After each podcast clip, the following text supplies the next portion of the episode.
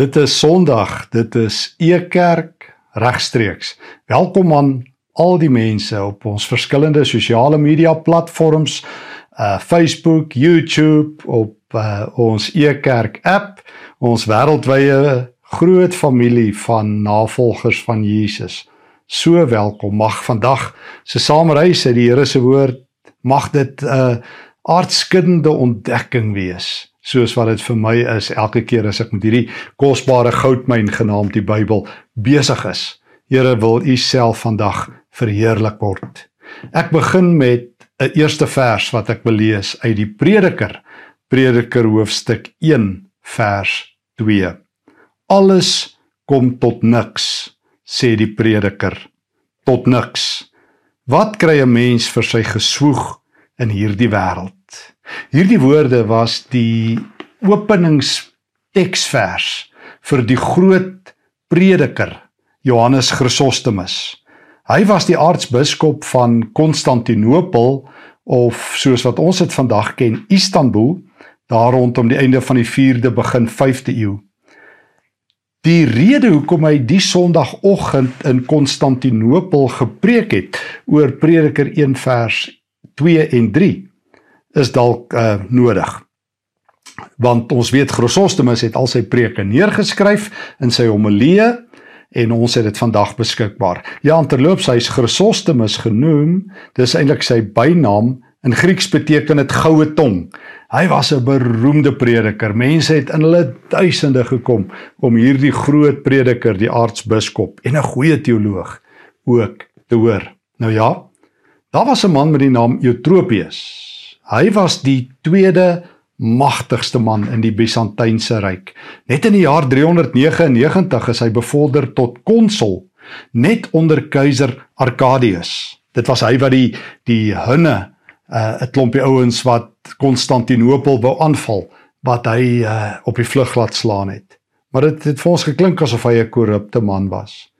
En die keiser se vrou het genoeg gehad en sy het haar soldate gestuur om om vir Eutropius te vang en dood te maak.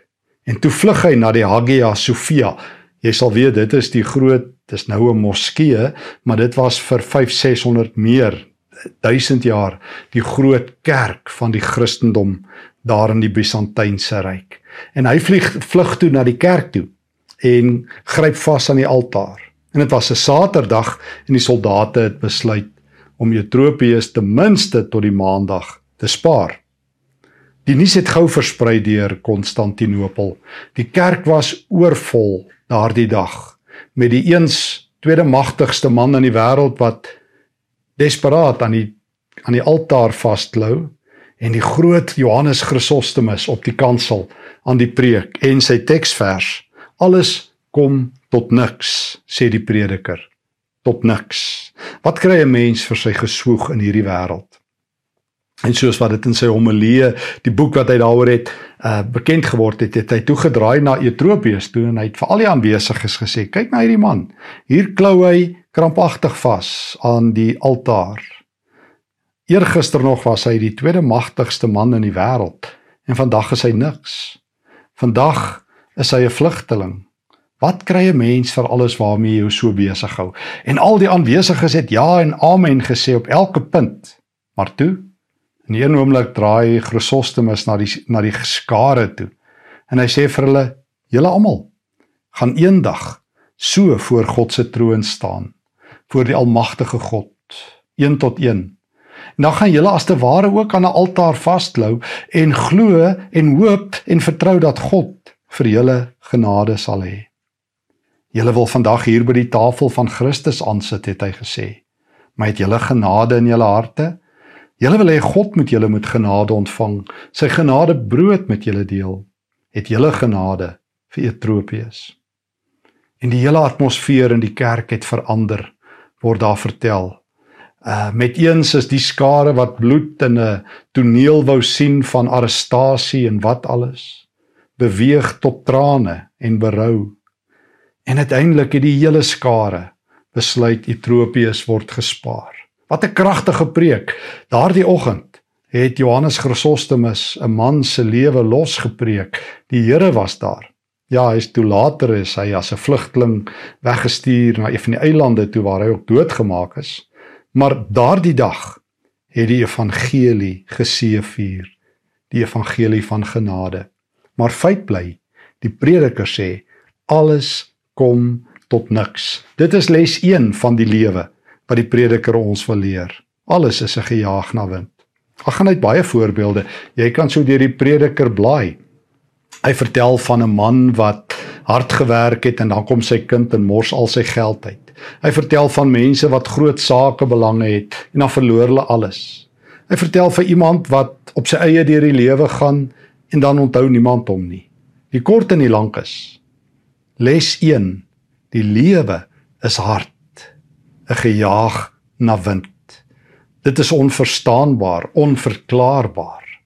Hoe beleef ons dit nie in ons eie wêreld nie? Hoeveel mense hoor ek wat afskop met die mooiste drome en dan word iemand ingedoen deur 'n kollega of hy verloor alles.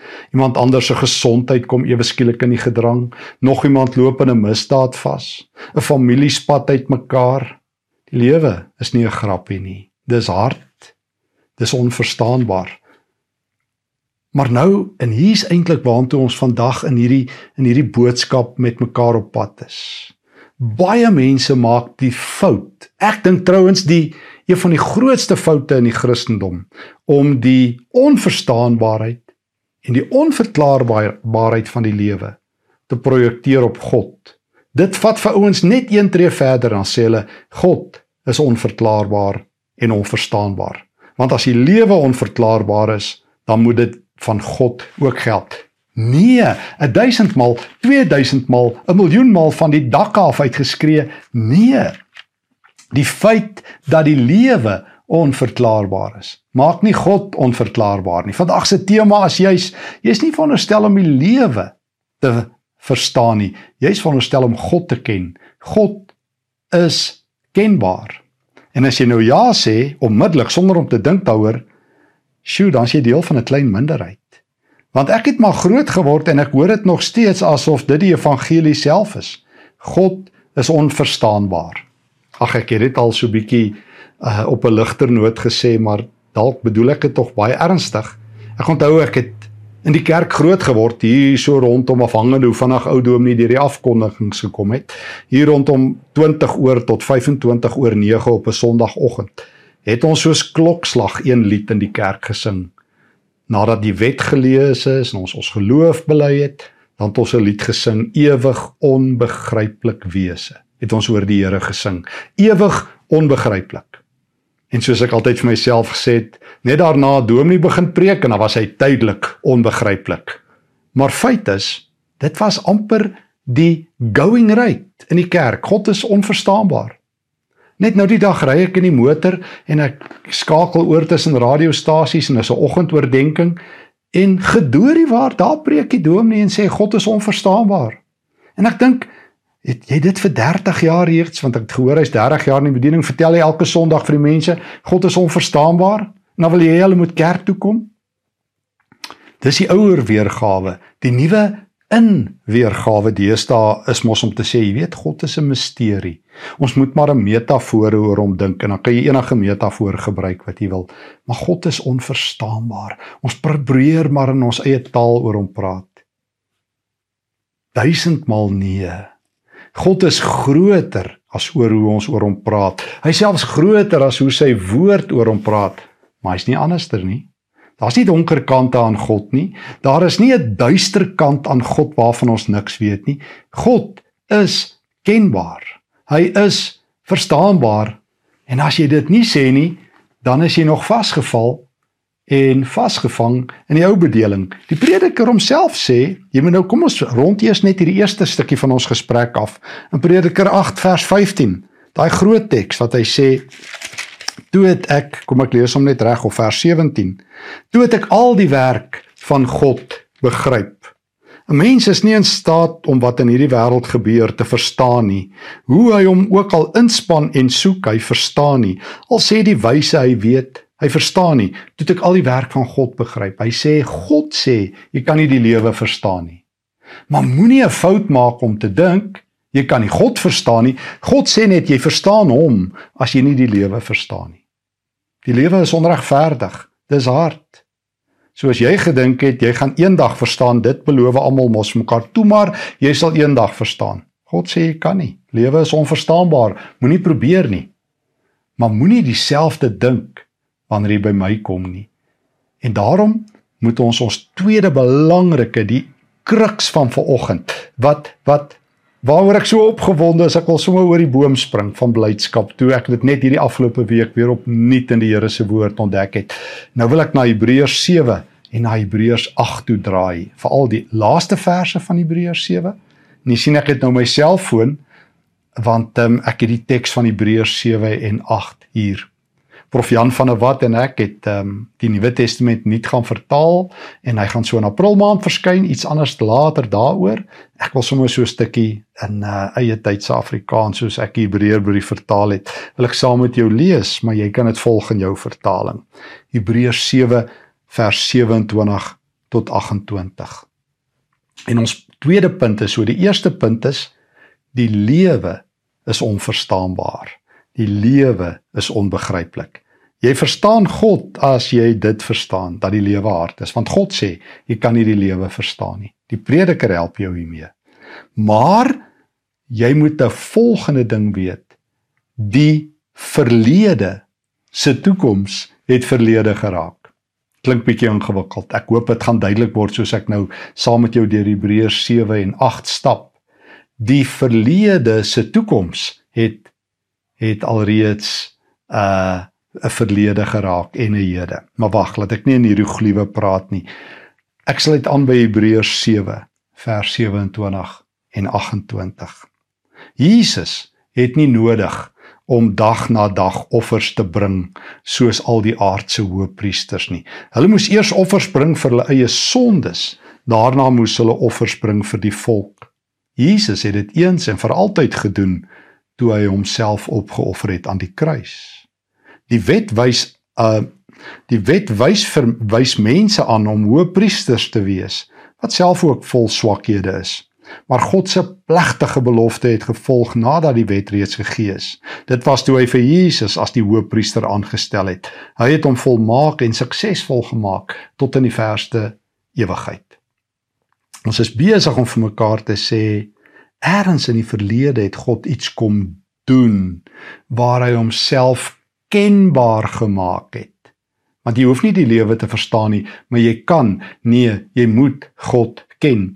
En en mag ek vra verdra my net nog so 'n oomblik om net saam die Hebreërs skrywer sy argumente ontwikkel en dan sal dit dan sal die punt duideliker word. En nou sluit ek aan by Hebreërs hoofstuk 8 vanaf vers 6. Maar nou het Jesus 'n baie belangriker bediening gekry. Hy is die middelaar van 'n baie groter en 'n beter verbond. Dit is geldig omdat dit op soveel beter en groter beloftes uh, berus wat God gegee het. So, jou testament sê vir jou dan moes elke dag offers gebring word. Maar niemand kon vrede met God kry nie. Want soos wat jy geoffer het, het jy maar net daar uitgestap by die tempel, dan het jy maar weer kwaad geword en sonde gedoen. Dan moet jy eintlik maar weer omdraai en van voor af begin. Maar toe kom Jesus, eens en vir altyd. Eenmalige offer wat vir altyd geld en 'n nuwe testament. En dit gryp gryp die Hebreërs skrywer so in die hart dat hy in Hebreërs 8 van nou vanaf vers 7 en weer 'n keer in Hebreërs 10 vertel van hierdie nuwe verbond. En hy haal Jeremia 31 aan. Hy begin by die verlede. En hy sê die verlede is vervul dit wat Jeremia 31 gedroom en geprofeteer het, het waar geword. En ek ek hoop die Here sal deur sy gees oordra wat wat wat wat ver oggend uh, wil kommunikeer, naamlik dat dat baie Christene dink God is onverstaanbaar. En nou kom die Hebreërbrief en sê Hoor, wat het gebeur? Dit waaroor Jeremia in die verlede gedroom het, het al gebeur by die kruis. Die toekoms van Jeremia het al verlede geword by die kruis en julle ouens en ek wat in 2022 leef hoor die verlede wat Jeremia profeteer wat gebeur het, wat al waar geword het, maar niemand glo dit nie. Laat ek nog verduidelik. Ek lees saam met jou Jeremia Ekskuus, Hebreërs 8 vers 7a. As die eerste verbond sonder enige tekorte was, sou dit glad nie nodig gewees het om 'n tweede verbond in plek te steel, stel nie. Maar God God kritiseer Israel oor die eerste verbond as hy sê: "Kyk, daar kom daar sê die Here dat ek met die huis van Israel en met die huis van Juda 'n nuwe verbond sal maak." En nou volg die woorde van Jeremia 1 en 30 wat waar geword het. Dit sal nie meer wees soos daardie verbond wat ek met hulle voorouers gemaak het nie. Dit was op daardie dag dat ek hulle hand styf vasgehou het sodat ek hulle uit Egipte kon lei. Hier vers 10 is die verbond wat ek met die huis van Israel sal maak as daardie dae oor en verby is. Ek sal sorg dat my wette deel is van hulle gedagtes. Ek sal dit skryf in hulle harte. Ek sal hulle God wees en hulle sal my volk wees. Dan sal dit glad nie meer vir iemand nodig wees om vir ander mense in die land of vir hulle eie familielede te leer nie. Hulle hoef nooit meer te sê jy moet die Here ken nie, want almal sal my ken en eer. Dis die tema van vandag. Dit is al wat die Here vandag op my hart het wat ek moet deel. Baie mense verwar die feit dat die lewe onkenbaar is en onverstaanbaar is met God. As ek nie die lewe kan verstaan nie, kan ek nie God verstaan nie. Dit is selfs deel van baie preke en belydenisse en belewennisse van mense. En hier kom God en sê, het julle nie gehoor nie? Toe Jesus gekom het, Toe Jesus die nuwe verbond gebring het, het hy Jeremia 31 vervul. Daardie droom wanneer 'n nuwe verbond kom, dan sal ek my wet in hulle harte skryf en in hulle gedagtes. Ek sal hulle God wees en hulle sal my volk wees en dan sal niemand meer hoef te sê jy moet die Here ken nie. Hulle sal my ken. En dan gaan die teks aan. Almal sal my ken en eer. Van die kleinste tot die grootste sal almal my ken. En dan sê die Here ek sal nie meer hulle sondes onthou nie vers 12 en uh, wanneer ek hierdie eerste verbond, hierdie nuwe verbond bring vers 13, sal die eerste een oorbodig wees. Ja. Ja. Ja. Die lewe is hard, is onverstaanbaar en sou sy holle was. En die Bybel sê nou begin jy iets van God verstaan, maar nou moet jy gaan na 'n volgende fase toe. Weet jy wie is Jesus? Hy is die middelaar, die die brug tussen die hemel en aarde. Hy het gekom en sy liggaam gegee en 'n nuwe verbond gebring. Hy het nie net vir jou sondes gesterf nie, maar dit lyk vir my dis al wat die meeste mense oor Jesus kan sê. Sjoe, hoor my reg. Dis lewensbelangrik dat hy vir ons sondes gesterf het, maar weet jy wat doen hy nog? Hy maak God kenbaar. Hy maak God verstaanbaar. Hy maak God beleefbaar. Geen wonder nie dat Jesus self in daai aangrypende woorde, waar is dit? Johannes 17 vers 3, net voor sy kruisiging, toe hy dit self gebid. Herinner jy jou nog daaraan? Toe hy vir die Vader gesê: "En dit is die ewige lewe, dat hulle U ken, die enigste ware God en Jesus Christus wat deur U gestuur is. Dis die ewige lewe dat ons vir God ken en vir Jesus. Maar lyk vir my baie mense, baie gelowiges gaan lewenslank deur die deur die lewe met die ding, toe maar ek sal later verstaan. Ek sal later verstaan wat is God se plan met my. Ek sal eendag verstaan hoekom is ek op aarde. Mag dit jou nie oorkom nie. Mag jy vandag die Here se woord hoor. Jy's nog vasgeval in die Ou Testament in 'n ou bedeling, in 'n verstokte bedeling. Maar nou het die verlede toekoms geword en dit is al reeds verlede. Jeremia het geprofeteer. Daar sal 'n dag kom dat God se wet in my hart en my verstand is. Jeremia 31 daar sal 'n dag kom dat jonk en oud my sal ken sê die Here. Nou sê Hebreërs 10 Julle leef van daai tyd. Jesus het gekom Julle kan God nou ken. En Jesus vertel dit self hier in Johannes 17. Vader, dit is die ewige lewe dat mense U ken en my ken, Jesus Christus. Nou is God kenbaar. Nou is God verstaanbaar. Wie is God? Om hom te ken is om Jesus te ken, is om die ewige lewe te ken. Nou leef ek nie meer in die donker en in die duister nie. Ja, dis waar, die lewe is hard. Ons het dit by Ethiopië gesien. Dalk beleef jy dit. Eendag is jy 'n koning en die volgende dag is jy 'n vlugteling. Eendag is jy ryk en die ander dag is jy arm. Die lewe ry wiplank. Maar God is nie so nie. God is wie hy is. God is kenbaar, verstaanbaar en beleefbaar.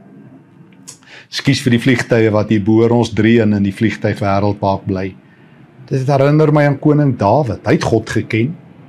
Ehm um, wanneer hy Psalm 3 skryf, vlug hy vir sy seun Absalom. Jy ken daai verhaal daar, daan 2 Samuel 15 rond as ek nog reg onthou. Die eens magtige koning wat reuse gegooi het met klippe, moet kaalvoet vlug uit Jerusalem. Hy moet pad gee uit sy geliefde stad soos 'n vlugteling. Dan skryf hy Psalm 3 en dan sê hy Here, vanaf Sion sal U my hoor. God het nie gevlug of pad gegee omdat Dawid gevlug het nie. God het nie geïmmigreer omdat Dawid moet migreer nie. God is wie hy is. God is kenbaar. God is verstaanbaar. God is die Here.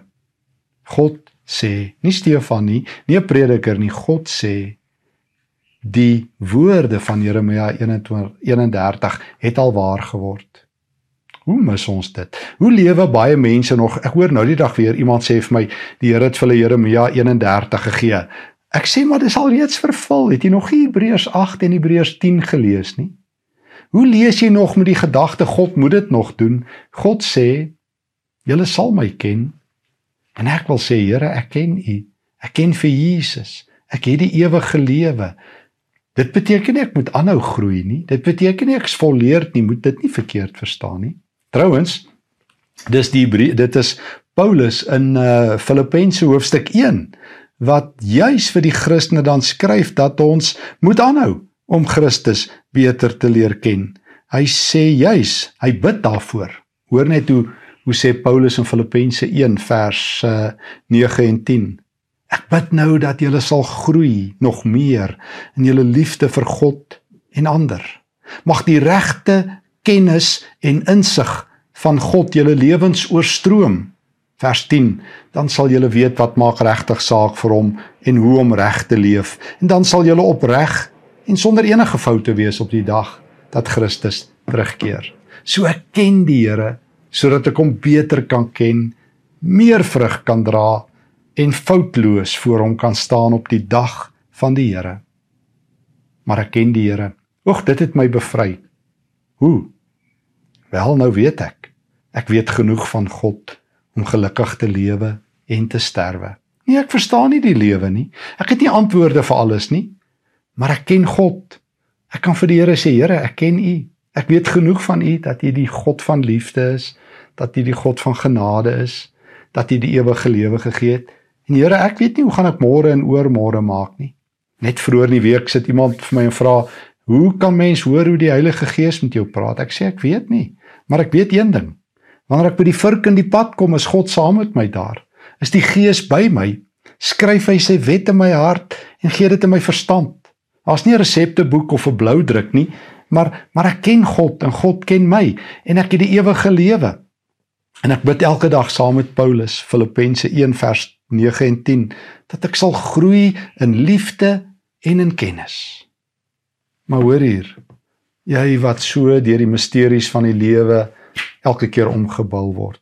Die lewe is nie onverstaanbaar. Ja, die lewe is onverstaanbaar, maar God is nie. God is kenbaar. Hoor die Here se woord. Hoor die Here se woord, jonk en oud sal hom ken. En as jy worstel daarmee, skuif jou teologie, belyn dit met God. As jy vir my sê dis nie so maklik nie, dit is glo net die Here, hy is kenbaar. Hy is kenbaar. En kom ons bid nou die woorde van Paulus in Filippense 1 vers 9 en 10 agterna. Kom ons bid. En nou bid ek dat julle nog meer sal groei in liefde vir God en vir ander. Mag die regte kennis en insig van God julle lewens oorstroom. Dan sal julle weet wat maak regtig saak vir hom en hoe om te leef. Dan sal julle opreg en sonder enige foute wees op die dag wanneer Christus terugkeer. Hoor ons Here. Amen. Wat 'n voorreg om vandag saam met u kerk te kon reis. Elke week uh, sê ons dit, maar in die week is daar nog 'n paar dinge by e kerk. Jy kan ons inteken op ons nuusbriewe wat uh, ander duisende mense uitgestuur word. Die goeie nuus wat ek twee keer 'n week skryf. Prof Koen Slabber en Rudolf Botale en 'n paar dames wat werk aan van ons ander nuusbriewe. Jy is ook welkom om dit te lees. Ons begin Woensdag aand regstreeks met 'n Bybelskool wat ek gaan hou vir so 4 weke. 4 Woensdaande oor 'n bietjie meer van die hart van God te leer ken. Ek wil so 'n bietjie praat oor die God van Abraham. Ons hoor altyd die God van Abraham, Isak en Jakob. So ek wil so 'n bietjie saam met jou gaan reis by Abraham. Ehm um, Isak sal bietjie minder, maar by by Jakob en dan ook die God van Moses om God van naderby te leer ken sodat die woorde van die uh, van van chu chu chu Deuteronomium 33 kan waar wees dat God uh dat ek God ken soos wat Moses hom geken het as 'n vriend. So jy's uitgenooi vir ons Woensdag aand Bybelskool, die Vrydag regstreekse Bybelskole oor die ek is uitsprake gaan volstoom voort. Ek dink ek moet volgende Vrydag wat kom daaroor praat. Dankie vir almal wat finansiëel ook betrokke is. Jy hoef nie, maar dankie vir almal. Ons noodbedieningsgroei laat dit klap. Jy het gesien aan die begin, ons kon deur uh, al die vrygewigheid uh, 'n beursfonds nog uitbrei. Ons kon alreeds vir 3 teologie studente hierdie jaar help. Ons noem dit die Franco Visser beursfonds. Franco wat vir ons e-kerk terapie gedoen het wat oorlede is. Uh, ouers het vir ons 'n uh, bedrag geld geskenk en ons wend dit net so aan vir opleiding. Dankie daarvoor en dankie vir al die ander rein bydraes. Jy is so welkom om deel te wees en deel te bly van hierdie e-kerk familie. Mag die Here jou seën. Onthou, die lewe is onverstaanbaar, maar jy ken vir God. Mag dit jou dra en jou troos net hierdie een wete. Vrede vir jou.